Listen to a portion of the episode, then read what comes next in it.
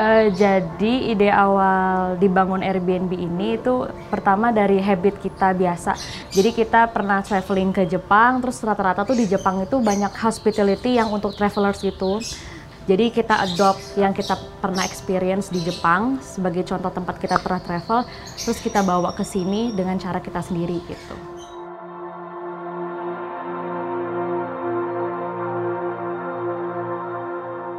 Pertama uh, konsep Scandinavia itu kan balik lagi dia apa lebih lebih menekankan sisi environment yang kuat gitu kan. Jadi lebih alam.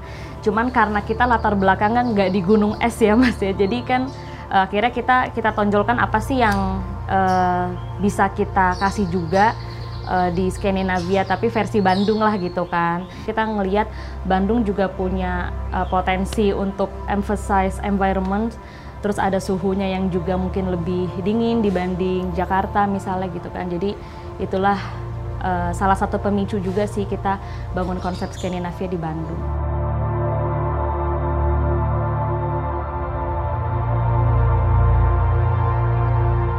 Bukan tujuan awal kami sih mengunikan posisi rumah ini tapi kebetulan memang posisi rumah ini tuh sudah berada di sudut pojok gitu jadi dia memang udah eh, nggak uh, dapat entrance yang benar-benar orang itu bisa melihat itu sebagai entrance rumah gitu kan. Mungkin dari aksesnya yang akhirnya kita uh, bikin lebih spesial gitu ya. Jadi orang kalau ke sini ya itu pasti pertanyaannya kok aneh ya gitu kan. Tapi aneh leading ke hal yang baik gitu kan. Karena begitu sampai dengan rumah ini itu kita mau make sure uh, akan lebih menyenangkan gitu dibanding kita melihat hal aneh itu dulu dari luar gitu. kenapa sih kok banyak tangga gitu kan? Itu karena pertama limited space sih gitu. Jadi lahan yang ada itu uh, sekian kemudian dari lahan sekian itu kita perlu berbagai macam fasilitas gitu kan. Kita perlu berbagai macam ruang kalau kita mengacu pada main entrance itu kita alur layoutnya itu dari mulai dari lantai satu kemudian dua tiga sampai dengan empat yang ada rooftop jadi di lantai satu itu uh, ada service ada service itu yang meliputi tempat istirahat terus uh, tempat untuk masak, kemudian ada kamar mandi dan juga laundry gitu. Lantai dua dikhususkan memang hanya untuk tempat istirahat aja, ada dua kamar tidur dan dua kamar mandi. Kamar mandi umum dan kamar mandi private yang ada pada di kamar tidur utamanya.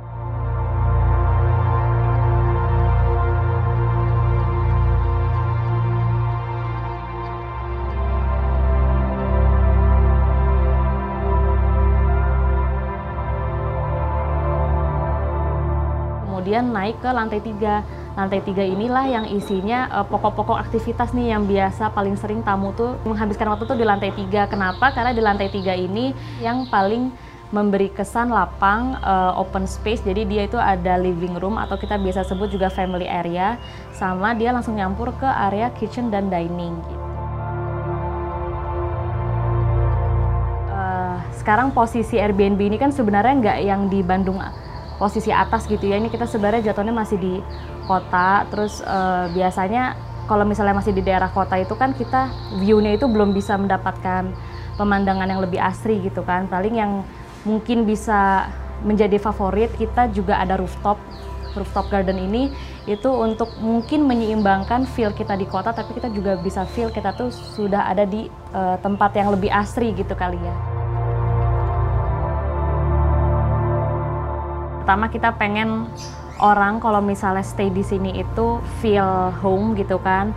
Dari kitchennya pun uh, utensils yang kita provide itu lumayan lengkap. Jadi feel home itu di sini nggak hanya sekedar orang ada kitchen terus merasa merasa seperti di rumah gitu kan. Tapi kita di sini juga kayak ada provide rice cooker, bahkan uh, small utensils kayak pokoknya semua panci, semua apa yang sekiranya biasa kalian masak di rumah itu ada di sini juga kita usahakan ada sih gitu.